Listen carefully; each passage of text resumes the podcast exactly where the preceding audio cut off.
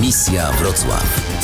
Przed mikrofonem Piotr Kaszuwara. Dobry wieczór w Misji Wrocław, w audycji, w której spotykamy się z obcokrajowcami, którzy z jakiegoś powodu i kiedyś dotarli do Wrocławia po to, żeby tutaj mieszkać, żyć, działać i robić bardzo interesujące rzeczy, wzbogacać też często nasze społeczeństwo i pokazywać nam, że inne kultury to wcale e, nie taki diabeł straszny, jak go wołają. Diana e, Kadri już podpowiada właśnie, że nie taki diabeł straszny, czyli polskie przysłowie E, nie są ci obce. No, nie są. Siłą rzeczy nie są, bo jestem w takim miejscu. Jesteśmy teraz tutaj w moim sklepie, więc dużo osób wchodzi i dużo osób starszych wchodzi rano, więc słyszę różne przedziwne historie i różne przysłowia, więc zgadza się, zna, znam to. Diana przyjechała, właśnie to też dziwna historia, prawda? Bo jesteś z Palestyny, jesteś z Jordanii, ale jednocześnie jesteś chyba też z Polski, bo to tutaj się urodziłaś. Opowiedz trochę, jak to ta skomplikowana skomplikowana historia wyglądała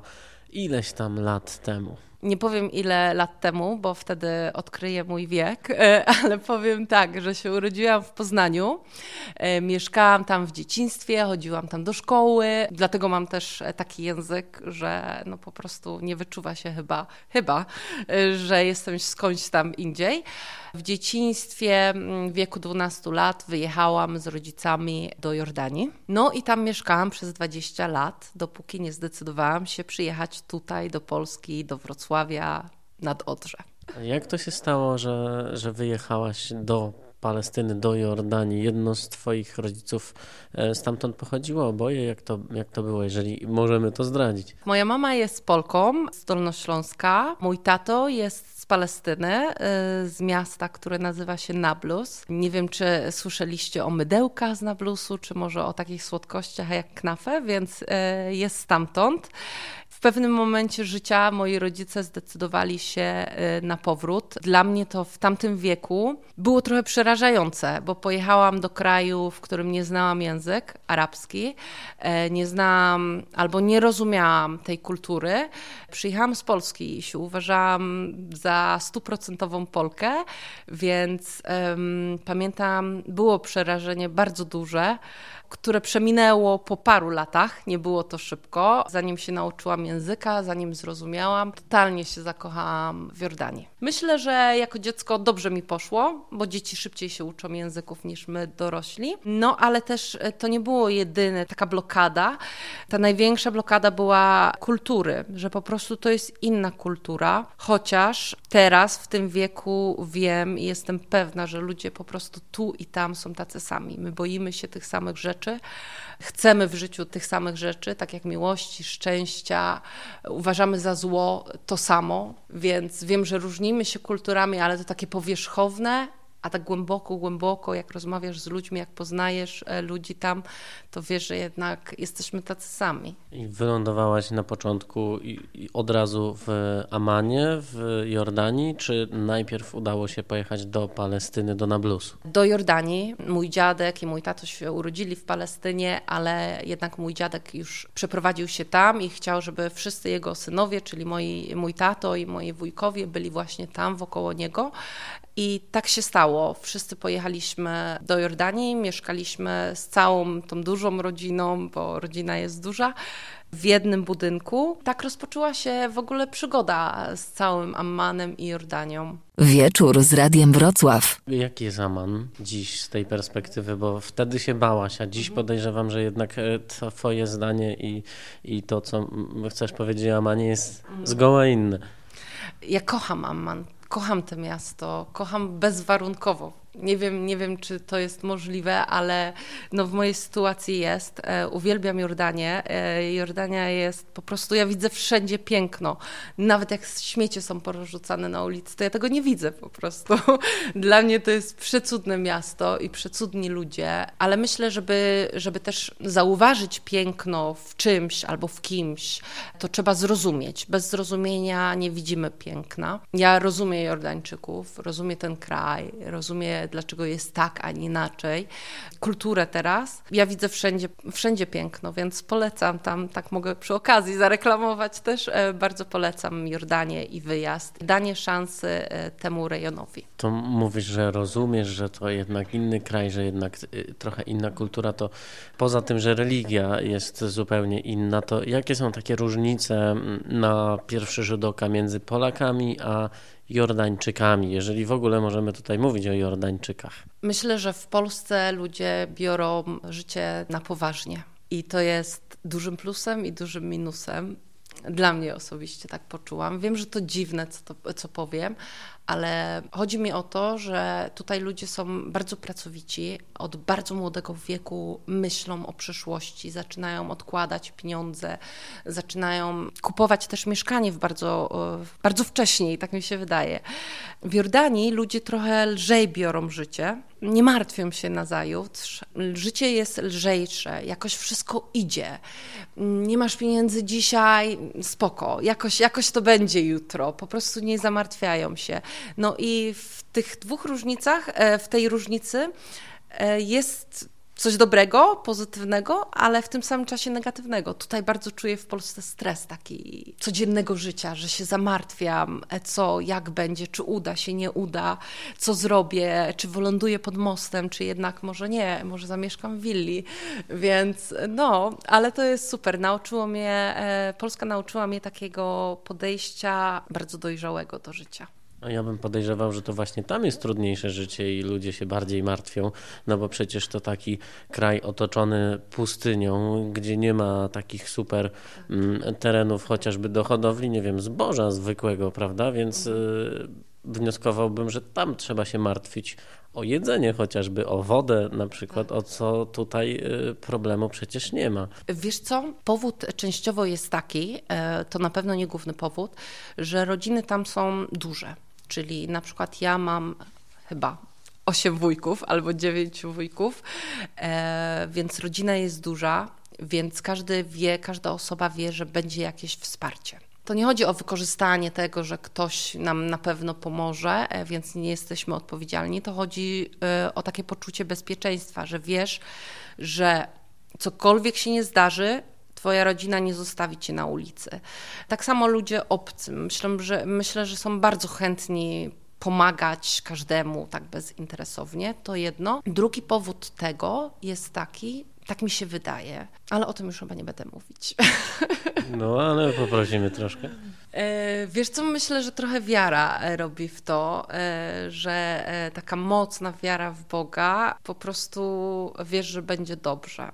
A Jordania jest takim religijnym mocno krajem? E, nie sądzę, że mocno religijnym krajem jest. Jordania jest piękne to, że masz tyle kontrastów, tyle kolorów. Wśród znajomych po kilku latach tam mieszkania od razu tak dziwi to, że masz na przykład, jeżeli znasz w swoim życiu 10 osób, to każda z nich jest zupełnie inna. Są ludzie bardzo religijni, którzy na przykład nie przebywają w tym samym czasie, tam mm, z mężczyz i dziewczyny w tym, w tym samym pomieszczeniu. Są tacy, którzy nie piją alkoholu, e, są dziewczyny, które są nakryte, a są inni, którzy nie są w ogóle religijni, nie wierzą w Boga.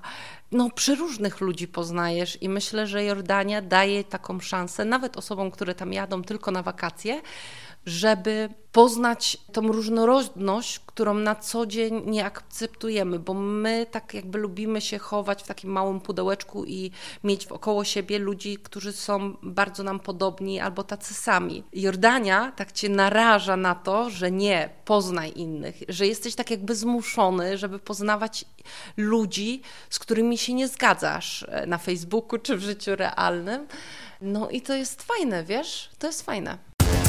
Misja Wrocław.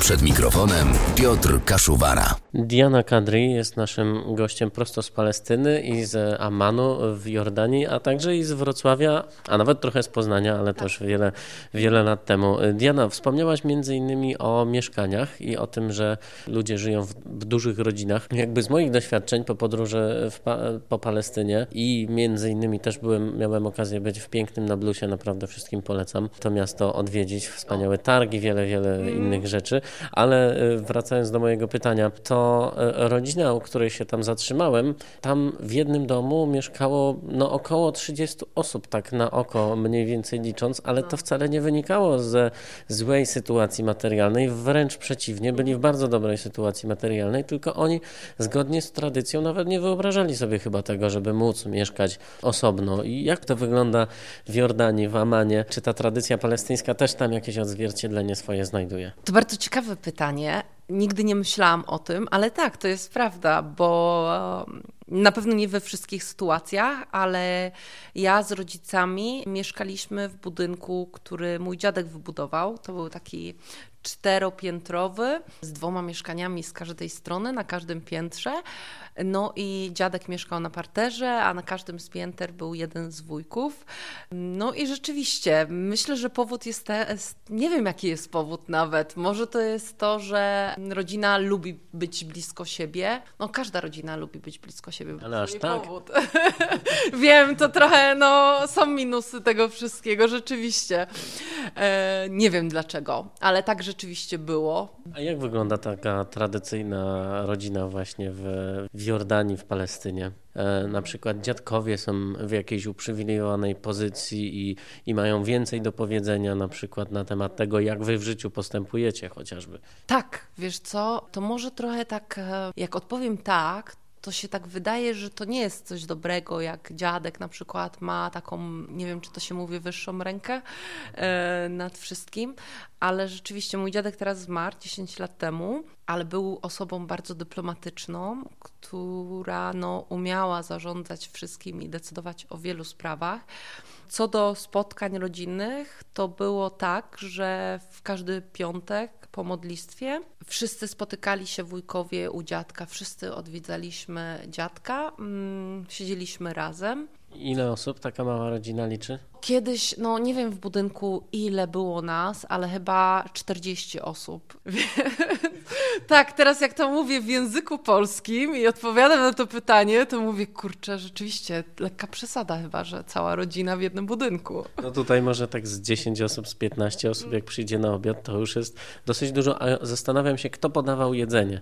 Czy babcia na przykład i dziadek obsługiwali ludzi, czy to raczej oni byli obsługiwani? Nie, oczywiście oni byli obsługiwani, ale wszyscy tak, tak naprawdę każda rodzina robiła coś. Czyli na śniadanie y, ja z tatą e, robiliśmy serek, smażyliśmy serek taki specjalny. Były jajka gotowane, musiał być hummus i oliwki, różne tam ogórki kiszone. To były takie podstawowe rzeczy na śniadanie. No ale piękno było w tym, w tej prostocie, że to nie było żadne śniadanie ulala, to było zwykłe śniadanie, jajka, hummus i no. No tak powiedziałaś, że oczywiście nie babcia, nie dziadek, a w Polsce to wcale nie jest tak powiedziane, bo przecież jak jest Wigilia, to babcia często się uwija w domu i tutaj barszczyk podaje, tutaj pierożki lepi, tam jeszcze karpia smaży i tak dalej, a jednak mówi, że oczywiście nie, nie oni podawali. To jednak jest jakaś chyba delikatna różnica pomiędzy tym respektem, jaki się okazuje właśnie starszym tam, a starszym na przykład w Polsce. Myślę, że respekt do starszych jest taki sam, jeżeli to jakoś, jeżeli jest miarka respektu, tylko inaczej pokazywana jest w każdej kulturze. Rzeczywiście to trafna uwaga i nigdy nie myślałam, bo babcia tutaj w Polsce właśnie mm, uwielbia, wie, że ja lubię bardzo pierogi ruskie, więc e, zawsze są i rosół zawsze jest. I rzeczywiście, jak już wie, że przyjeżdżam, to zaraz jeden dzień przed odmraża i robi, przygotowuje ciasta i ona wszystko robi sama, więc e, jak najbardziej ale no fajna, fajna uwaga. Muszę pomyśleć przez, no muszę pomyśleć, żeby odpowiedzieć na to pytanie. Wieczór z Radiem Wrocław. Diana Kadri jest naszym gościem w misji Wrocław. Diana, a jeszcze chciałem o tej kuchni trochę dłużej porozmawiać i zapytać się właśnie, co takiego tradycyjnego je się w Palestynie i w Jordanii. Wiem na pewno, że knafa to taka tak. super przysmak. Mm, mm, mm, no, przepyszna. Nie wiem, czy tutaj by każdemu smakowało, bo jest bardzo słodka, więc mnie zdziwiłeś, że tobie bardzo bardzo smakowała. E, rzeczywiście. Jest... Musi być kawa ciemna do tego. Tak, no po tym to na 100% kawa taka gorzka, ciemna, mocna e, bardzo pomaga. Jest dużo rzeczy, które czasami mi dziwi, dlaczego jest homos tylko tutaj, ale mm, jest dużo ciekawych potraw, które myślę, żeby tutaj ludziom smakowały. Taka typowo palestyńska to jest mluchija. Bardzo przypomina szpinak, to się je ryż i taka mm, zielona masa przypominająca szpinak, tylko jest lepsza o wiele, wiele procent. Czyli ja na przykład nie lubię szpinaku, ale to jest e, bardzo dobre, więc polecam. Powiedzmy jeszcze o tej knafie troszeczkę, mhm. e, bo, bo nie wszyscy wiedzą, z czego knafa się składa, bo to cukier i kozi ser. Ja też dokładnie nie wiem. Dlatego, że o różnych rzeczach bierze się tak, e, jadłam tam i po prostu nigdy nie wgłębiałam się w temat, jak to jest zrobione. Jak przyjechałam tutaj do Polski i zaczęłam tęsknić nad niektórymi rzeczmi, tak jak na przykład falafel, to zaczęłam wyszukiwać, z czego to jest zrobione i byłam po prostu zaskoczona, więc prawdopodobnie ty wiesz więcej niż ja o knafie. No bo falafel to też wiem, to ciecierzyca, czyli taki można tak. powiedzieć tak. opiekany humus. Tak, dokładnie. I ostatnio właśnie ze znajomymi się zebraliśmy i ja mówię, ja robię falafel pierwszy raz w życiu. I to była ciecierzyca, bardzo dużo pietruszki e, i tam parę różnych dodatków, przypraw. I za pierwszym razem, jak wrzuciłam do oleju, to po prostu rozpadły się te falafle i była tragedia. I ja mówię, e, muszę zadzwonić do, kiego, do kogoś w Jordanii, się zapytać, jak się robi. Ale byłam pewna na 100%, że nikt nie będzie wiedział w ogóle, co, z czego jest falafel tam w Jordanii, bo jest bardzo tani, jest wszędzie, więc nie myślisz o tym, żeby to zrobić w domu. E, no, ale się udało w końcu więc... Ja jeszcze słyszałem, że tak jak w Polsce mamy rosół, tak w Palestynie jest makluba na przykład. Mm, tak, makluba to jest, no, to jest ryż i wiele dodatków, czyli może być tam ciecierzyca, bakłażan, kawałki ziemniaków, kurczak. E, każdy robi, każda rodzina robi to po swojemu jakby. I dlaczego się nazywa makluba? Makluba to jest po polsku, jak coś przewrócisz do góry nogami. Upside down, do góry nogami. No, dokładnie, dokładnie tak. Się nazywa z tego powodu, że już na koniec, jak wszystko ugotujesz, ten ryż z, z tymi warzywami, to przewracasz na taki duży talerz, klepiesz ten garnek, no i masz maklubę, którą się je z takim z sałatką, ale też takim podobnym, coś podobnego do jogurtu, kefiru, jogurtu. Misja Wrocław. Przed mikrofonem Piotr Kaszuwara. No i co, myślisz, że te pierogi ruskie, Diana Kadri jest naszym gościem, przypomnijmy, te mhm. pierogi ruskie to wszystko przebiją, o czym przed chwilą rozmawialiśmy, czy jednak odpadają w przedbiegach? Nie, wiesz co, no muszę je stawić e, na pierwszym miejscu z mluchiją i pierogi ruskie. Wiem, że one się tak różnią, te potrawy, ale no ja uwielbiam e, pierogi ruskie i przez pierwsze, e, pierwszy rok, jak tutaj przyjechałam, wróciłam do Polski, to jadłam tyle tych pierogów, w ogóle sama się nauczyłam lepić te pierogi. I po jakimś czasie zauważyłam, że ja wyglądam jak jeden duży pierog. No, pierogi i oscypki też cały czas jadłam w kółko, więc naprawdę przesadziłam, ale no, to jest moja potrawa. A to 20 lat temu mówiłaś, że wyjeżdżałaś z Polski i bałaś się tego, e, co tam spotkasz. Dziś po powrocie do Polski czujesz się już bardziej Palestynką, Jordanką, czy jednak nadal właśnie tą Polką, tak jak mówiłaś e, na początku? Wiesz co, trudno jest, dużo myślałam o tym, e, kim ja jestem, bo człowiek lubi wiedzieć tak naprawdę, kim jest, albo sobie taką definicję w głowie ułożyć. I na początku tak dałam sobie procentowo, że tyle procent jestem mm, Jordanką, tyle jestem Polką. Teraz to się zmieniało i wrócę tutaj do pieroga. Jak robimy ciasto z pierogów, tam dodajemy mąkę, jajko, wodę i coś tam, to tak naprawdę, i później mamy tego pieroga ruskiego, to tak naprawdę nie ciasto daje e, smak, tylko te nadzienie. I tak samo ja myślę, że nasz charakter jest nadzieniem, a to skąd jesteśmy jest tym ciastem z pieroga. Nie wiem, czy to ma sens, ale nie wiem, to się bardzo zmieszało w sobie. Nie wiem, jakie części mnie są arabskie, a jakie części e, są polskie. Nie mam pojęcia i myślę, że nie muszę mieć pojęcia. A zostaniesz we Wrocławiu, czy chcesz e, jednak wrócić? Bardzo tęsknię, bardzo, bardzo, bardzo tęsknię za Jordanią. Bardzo tęsknię za Morzem Martwym, za słońcem, za tym upałem. Po prostu już teraz po tej zimie mam takie uczucie, jak chciałabym poleżeć na słońcu i roztapiać się. Tak mi brakuje. Ale zostaję we Wrocławiu. Zakochałam się w tym mieście, chociaż tutaj nic nie miałam i ta przygoda rozpoczęła się w ogóle tak spontanicznie ale zakochałam się, nie żałuję wyboru jako miasto. Zajęło mi to też trochę czasu, ale powoli się zakochuję w tym mieście, bo jednak, e, żeby pokochać miasto, potrzeba jest trochę czasu i tak samo czułam się, jak wtedy pojechałam z Polski do Jordanii. To zajęło mi parę lat, zanim e, mogłam zrozumieć i zakochać się. Więc teraz też wiem, że potrzebuję trochę czasu, żeby tak bezwarunkowo zakochać się w tym mieście, bo nie da się żyć w miejscu, którego nie kochamy, nie lubimy. Wrocław tak, na pewno Wrocław definitywnie zostaje tutaj. Wieczór z Radiem Wrocław. W takim razie mm, Diana Kadri była naszym gościem w misji Wrocław. Bardzo Ci dziękuję za tę rozmowę. A skoro już tak na chwilę przenieśliśmy się e, w ten e, arabski klimat mm, Amanu i Palestyny, Nablusa i tak dalej, knafy i pierogów e, za Twoim przewodnictwem, to zostawmy jeszcze naszych słuchaczy z jakąś piosenką prosto z Twojego kraju. Jaki zespół, jaką piosenkę byś nam poleciła, żebyśmy mogli na chwilkę przez Morze Martwe przepłynąć prosto. Jaką byś wolał? Taką smutną, głęboką, czy coś takiego? Poetycką, bo wiem, że poezja to też bardzo ważna sprawa dla Arabów. Dobra, chociaż jesteśmy teraz, siedzimy tutaj na nadodrzu, więc daleko od klimatów może tej piosenki, no ale bardzo fajna, energetyczna, pozytywna. Nazywa się Gamar i to znaczy księżyc bo księżyc jest takim symbolem, tutaj się mówi moje słoneczko, tam gamari, czyli księżyc bardziej. No to w takim razie Gamar, Diana Kadri była naszym gościem w misji Wrocław, a już teraz zapraszamy na piosenkę. Do usłyszenia w kolejny czwartek. Dziękuję bardzo wszystkim.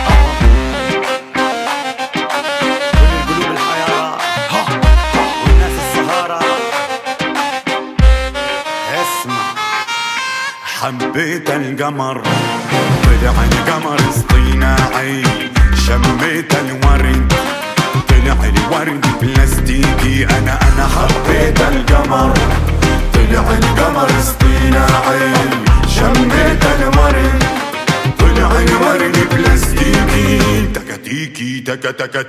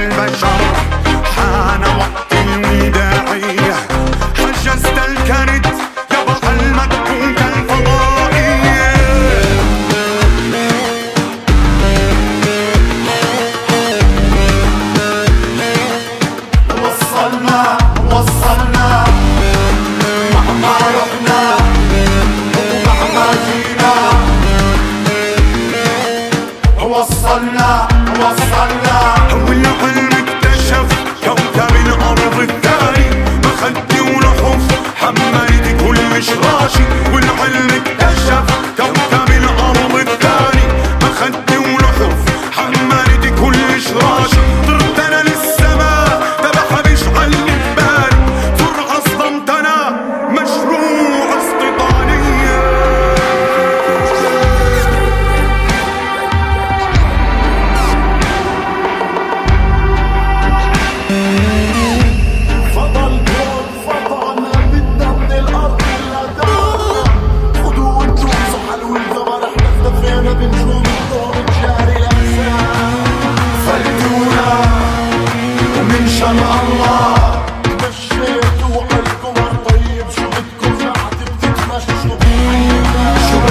وياه شوي بسهوله